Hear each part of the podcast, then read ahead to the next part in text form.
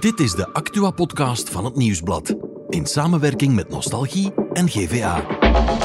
Het is vandaag maandag 12 juni en de Italiaanse oud-premier Silvio Berlusconi is overleden. L'Italia è il paese che amo. We kennen meer details over de kinderen die 40 dagen lang overleefden in de jungle van Colombia. En in de pannen hebben redders een prematuurtje gereanimeerd bij een onverwachte bevalling. Maar vandaag hebben we het over het interview van het weekend. Dat met Tanja Mintjens, de mysterieuze vrouw die de sleutel in handen heeft voor een nieuw stadion van de Bosuil. Zij gaf één interview en dat gaf ze aan ons. Ik ben Eline van de Geheugde. Welkom bij The Insider. Wie? Tanja Mintjens, Wat? eigenaar van de grond van de Bosuil, het stadion van Antwerpen. Waarom? Omdat zij de sleutel in handen heeft voor een nieuw stadion. Onze insider vandaag is Frank Pozen, onderzoeksjournalist bij het Nieuwsblad. Dag Frank. Dag Eline. Frank, we gaan het vandaag hebben over het probleem Mintjes. Ja, niet wij hebben het probleem Mintjes uitgevonden, wel Paul Gijsens, voorzitter van voetbalclub Antwerp.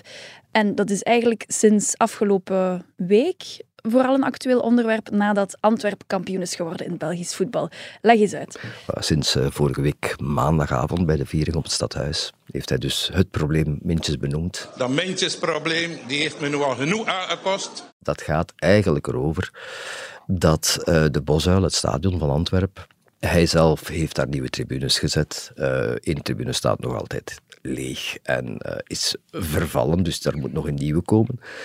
Uh, het probleem is dat Paul Gijsens dat wel wil renoveren en vernieuwen en daar een nieuwe voetbaltempel van maken, maar hij heeft de grond niet. De grond is van Tanja Mintjes en die wil de grond niet aan hem verkopen. Vandaar de uitgevonden term probleem Mintjes. Voilà. Misschien grappig om te vertellen, is ook uh, dat uh, toen dat ik haar uh, in een videocall had, zei ze, en mijn voornaam is trouwens niet probleem, mijn voornaam is Tanja. Ja, want jij bent op zoek gegaan naar dat probleem dan. Jij, bent, jij hebt een poging ondernomen om in gesprek te gaan ja. met haar en dat is uiteindelijk gelukt. Ja. Het is vooral mijn collega Peter Goris van Gezet van Antwerpen die goede contacten heeft met haar zakenwaarnemer. Um, en na een beetje onderhandelen heeft zij ermee ingestemd dat ze een exclusief interview enkel voor ons zou uh, geven. Dus zowel Gezet van Antwerpen als Nieuwsblad. Zij wou één gesprek doen, één exclusief gesprek met ons dan, maar wel onder voorwaarden, heb ik mij laten vertellen. Ze wilde één keer spreken en dan nooit meer. Um, ze staat op haar anonimiteit, dus ze wilde onder geen enkel beding een foto. En ze wil ook niet dat we haar stem nu laten horen tijdens deze podcast. Tanja Mintjes is al jaren de kwelduivel van Gijsens, of zo leek het toch. Zo, zulke verhalen hebben we toch gehoord, want zij houdt bepaalde dingen tegen. Maar wat weten we eigenlijk over die vrouw? Wie is zij juist?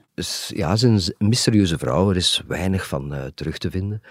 Um, zij is uh, de dochter van Karel Mintjes, die een meubelfabriek heeft in Westmalle en daar een bijzonder bekende figuur is, of was, want hij is in 1993 gestorven. En dan heeft zij en haar broer hebben dan de meubelzaak overgenomen en verder uitgebreid. Oké, okay, dus daar is zij vandaag nog steeds mee bezig? Uh, nee, zij zit nu eerder in het vermogensbeheer, uh, immobiliebeheer. Um, en zij woont al sinds 2013, als ik het goed heb, woont zij in Engeland. En op dit moment is ze in Amerika uh, ook voor zaken. Ik hoor hier vooral ja, een internationale carrière ook. Betekent dat dan dat zij heel erg rijk is? Uh, ja, ze is 58 en um, volgens de rijkste Belgen.be heeft zij, of heeft haar familie in elk geval, uh, een vermogen van meer dan 200 miljoen. Oké, okay, ja. En ja, wat heeft zij eigenlijk met voetbal? Want zij, zit dan wel, zij zat in de meubelbusiness, nu in het vermogensbeheer heeft zij een liefde voor voetbal? Heeft zij zelf gevoetbald? Of hoe zit dat? Ze heeft het uh, overgeërfd van haar vader. Uh, dat was een grote Antwerp van. En zij dus ook. Zij heeft uh, een rood-wit hart, zoals dat ja, heet. de liefde meegekregen. Inderdaad. Nu, ja, fan zijn is één ding, maar dan ook de grond in handen hebben van uw favoriete club, dat is nog iets anders. Hè? Hoe, hoe komt dat juist? Rond 2008 was Antwerpen zwaar in de problemen, uh, geldproblemen, virtueel failliet eigenlijk. Uh, er was een, een lening dat de club niet meer kon terugbetalen aan uh, een van de geldschieters. Dat was toen Tony Gram, de man van de Kiplingtassen. En dat was een schijf van een half miljoen euro. men is dan bij Tanja komen aankloppen. En zij heeft Omdat zij het vermogen heeft. Omdat dan. zij geld heeft, ja, inderdaad. Eh, en eh, zij heeft dan eh, gezegd, oké, ik zal die laatste schijf zal ik dan voor mijn rekening nemen. Maar betaal het mij terug binnen de zes maanden. Dat is niet gelukt en dus is de grond nu van haar. Het was nooit haar bedoeling, zegt ze ook. Ah, maar dat is interessant. Ze wou het eigenlijk niet. Nee, ze wou, ze wou het eigenlijk niet. Ze wilde vooral de club helpen. En ze had gehoopt dat er op tijd ging terugbetaald worden. Inderdaad, dat, dat, daar ging ze ook van uit. Eh, De club zou nooit zijn grond afstaan. Dat, eh, dat, dat leek haar eh, absurd. Maar toen dat toch gebeurde, zag ze ineens ook die gouden kans, zegt ze, om, al, om de club altijd, het stamnummer één, hè, de Great Old, voor altijd te verankeren op de bosuil. En ze zegt letterlijk hè, in Kempens accent zo van, ik wil dat onze club altijd op dat plein kan blijven shotten. Oké, heel interessant, want nu weten we eindelijk ja, waarom zij die grond eigenlijk in handen heeft. Dat is toch een stukje van het verhaal dat veel mensen niet wisten, denk ik. Maar waarom wil ze die grond nu per se houden en die niet gewoon verkopen aan Paul Gijsens? Omdat zij, zoals ik al zei, omdat zij eh, wil dat Antwerp altijd op de bosuil zal blijven spelen. En ze is er niet altijd van overtuigd dat de bedoelingen van Paul Gijsens zo zuiver zijn. En dat heeft ook een reden, vermoed ik. Dat heeft een reden. Paul Gijsens is eh, de man van Gilamco. Gilamco is een stadionbouwer. Zij bouwen en verkopen gebouwen. En Tanja Mintjes vreest dat hij Antwerp eerst zal prachtig renoveren. Ze heeft daar woorden van eh, vol lof voor hem. Maar dat zijn uiteindelijke doel is om daarop te cashen. En dus eens alles in orde is, het gebouw te verkopen. En dat de, de grond dus ook weer in handen komt van iemand die het misschien niet zo goed voor heeft met de club. Oké, dus deze hele situatie is wat Paul Gijsens het probleem Mintjes noemt. Maar als ik het goed heb begrepen, is zij ook met een primeur gekomen. Hè? Want eh, in het gesprek met jou heeft zij een voorstel uit de doeken gedaan. Inderdaad, dat was een voorstel in zeven of acht punten. Eh, misschien even nog eh, gauw even duiden wat zij, zij ook zegt. Van, zij begrijpt niet dat Paul Gijsens nu al twee tribunes heeft vernieuwd en heel mooi heeft gedaan. Wat hem tegenhoudt om die andere twee nog te doen, daar wil hij de grond voor in bezit hebben. Maar zij zegt van kijk, die grond die is van mij. Antwerp mag daarmee doen tot 2052 wat dat ze willen. Hè, dat, is zo dat is zo overeengekomen. In twee woorden gezegd, dat is een opstalrecht, wat betekent dat zij wel de eigendom van de grond heeft, maar dat de club daarop mag zetten en bouwen en ook alle winsten die daaruit voortvloeien, allemaal voor, voor, voor de club is. Met andere woorden, ondanks dat de grond niet in zijn handen is, kan hij wel die Hij- tribunes En ze zegt, ik ben zelfs bereid om dat nog eens 50 jaar te verlengen, dus tot 2102. Nu, haar nieuwe voorstel is heel simpel. Zij zegt, dit opstalrecht verleng ik vanaf het moment dat deze overeenkomst wordt gesloten met 99 jaar. Dus 100 jaar lang mogen zij daarmee doen wat dat ze willen. En normaal gezien is dat een, moet er een pactvergoeding voor, eh, voor betaald worden, die dit nu loopt op 51.000 euro per jaar. Maar ze zegt, ik moet dat geld niet hebben. Het interesseert mij niet. Ze krijgen dat gratis. Dus ze krijgen voor 100 jaar dat recht gratis. In ruil vraagt ze dan wel dat de tribunes die gezet worden, dat dat met marktconforme marges gebeurt.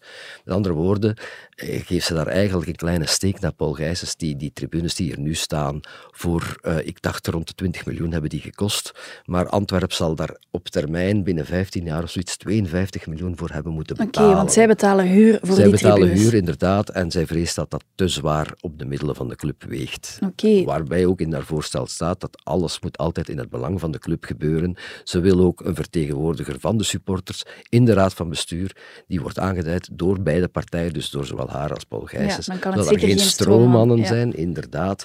Eh, en ehm, als er dan toch een bod wordt uitgebracht op de club, wil zij ook wat men noemt het right to match. Hè. Dus zij mag een tegenbod doen.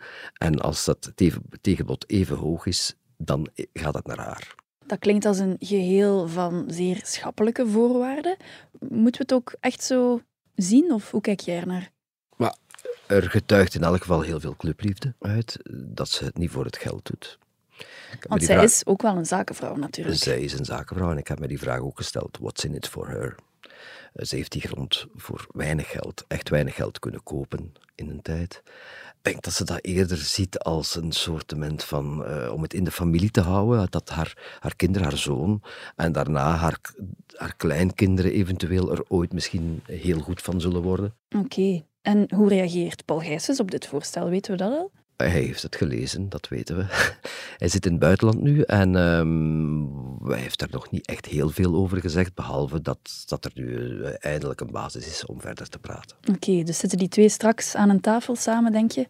Die kans is bijzonder klein. Uh, Tanja Mintjes zegt mij dat ze niet van plan is om aan welke tafel dan ook te gaan zitten als Paul Gijsens daar zit. Die twee hebben trouwens nog nooit met elkaar gesproken en dat zal ook nooit gebeuren. Oké, dat getuigt um, toch van enige koppigheid? Dat getuigt van koppigheid. En uh, ja, uh, de, degene waar ze wel mee heeft gesproken is Bart de Wever, de burgemeester van Antwerpen, inderdaad, die als bemiddelaar uh, heeft opgetreden, ook al vorig jaar. Heeft, de vorige zomer is zij bij hem op bezoek geweest, dus Bart de Wever weet hoe Tanja eruit ziet. En hij gaat nu proberen om dat uh, dossier mee uit het slop te halen, vermoed ik. Oké, okay, dat gaan we blijven opvolgen dan. Inderdaad. Dankjewel Frank voor uw expertise. Dat is graag gedaan.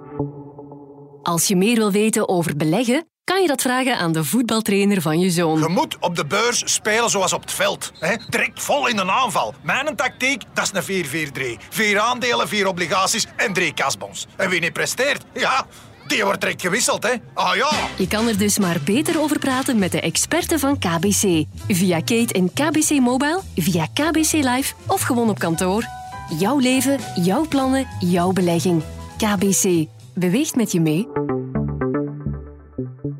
Nog over naar het andere nieuws van vandaag. Daarvoor gaan we naar onze producer Bert. Dag Bert. Dag Helene. Bert, we hebben nieuws uit Italië. Ja, nieuws dat pas is binnengelopen. Um, Italiaanse oud-premier Silvio Berlusconi is overleden. Hij is 86 eh, jaar geworden. Het was geweten dat Berlusconi in de kliniek lag. Hij leed aan chronische leukemie, had daar ook heel wat complicaties rond. Um, en hij lag sinds dit weekend opnieuw in de kliniek en daar zou hij nu overleden zijn. Um, maar ja, flamboyant figuur. Hè, ja, want hoe gaan we hem vooral herinneren? Ja, dat is een beetje vreemd. Ook een man die heel lang premier is geweest van Italië, die echt daar het gezicht van was voor decennia lang. Maar anderzijds ook een man die veroordeeld is voor corruptie. Heel veel uh, schandalen, hè? Ja, heel veel schandalen, fraude. Onder meer ook uh, Rubygate, ik weet niet of dat je dat nog weet. Uh, rond een 17-jarig Marokkaans meisje dat dan een prostituee bleek te zijn. En op allerlei seksfeestjes van uh, Berlusconi was aanwezig geweest. Er kwam heel Boonga Boonga-affaire uh, Ja, daar wordt dus, uh, is heel veel uh, krantenkoppen verschenen. Ja, ja, ja, dus het is een man die inderdaad heel veel controverse heeft veroorzaakt. En de vraag is, hoe gaan we hem binnen 20 jaar herinneren? Het zal misschien anders zijn bij ons dan in Italië. Ja, oké. Een ander verhaal dat dit weekend het nieuws heeft gedomineerd is eentje uit Colombia. Hè? Ja, um, vier kinderen die 40 dagen hebben overleefd in de Colombiaanse jungle. Hoe oud waren die kinderen? Onwaarschijnlijk. Ja, um, de oudste was 13, de jongste was 1 jaar. Wow. Um, ja, de andere twee waren 9 en 5. Ja, ze waren op 1 mei gecrashed in een vliegtuigje. Hun mama zat daar ook op. En ja, die mama heeft zelf nog vier dagen overleefd, maar is dan gestorven. Het voordeel was, die kinderen zijn de jungle gewoon. Ze waren van lokale stam, dus ze wisten wel een beetje van ze welke vruchten zijn eetbaar. Ja. Er was, was nog een beetje voedsel in het vliegtuig ook. Maar los daarvan, ja, 40 dagen overleefd is echt wel enorm straf. Ja, traumatische gebeurtenis ook. Ja, vooral dat, want uh, het lijkt nu zo'n heldenverhaal. Dat is het ook wel een beetje, maar tegelijkertijd hebben die kinderen ja, 40 dagen uh, overleefd. Uh, geen ouders meer. Geen ouders meer, vliegtuigcrash beleefd. Dus um, ja, experts zeggen ook vandaar, zal nog wel heel veel psychologisch werk aan zijn de komende maanden en jaren. Ja, wel een echt heldenverhaal, zo kunnen we het wel noemen, denk ik, is dichter bij ons in De Pannen. Ja, klopt. Ja, dat was inderdaad wel een helder verhaal. Afgelopen zondag, um, wat gebeurt er? Er is een Franse vrouw die op het strand van de pannen ligt. Uh, zij is zwanger. Op een bepaald moment voelt ze van, ik moet hier bevallen. Um, op het strand? Op het strand is nog naar de toiletten gelopen. Ze heeft daar hulp gevraagd. En ze krijgt hulp van twee strandredders jonge gasten. Ja, die, doorgaans ja, echt heel jong, hè? Vakantiejobbers ja, ja, zo. inderdaad. Nu, uh, zij beginnen haar te helpen. De baby komt ter wereld en het was een prematuurtje. En ze hebben die baby ook effectief nog gereanimeerd uh, tot de hulpdiensten zijn aangekomen. De hulpdiensten hebben dan natuurlijk alles overgenomen. Vrouw en kind naar het ziekenhuis gebracht. En gisteravond was hun toestand stabiel. Dus hoe het verder zal verlopen, weten we eigenlijk niet. Maar in elk geval, ja, die jongens hebben echt wel dat babytje een kans op leven Ja, gegeven. chapeau Dus, eh, echt wel. Ja, echt wel straf. Ja, in de pannen, iedereen veer natuurlijk, de burgemeester ook en zo verder. Ja, maar het, is ja. wel, het is wel straf. Jonge helden. Inderdaad. Oké, dit was het voor vandaag. Morgen zijn we er opnieuw met een nieuwe Insider.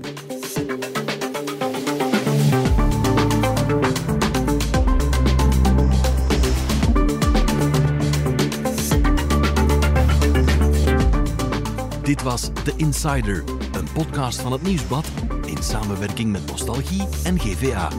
De muziek is van Pieter Santens. De montage gebeurde door House of Media. Wil je reageren? Mail naar podcast.nieuwsblad.be.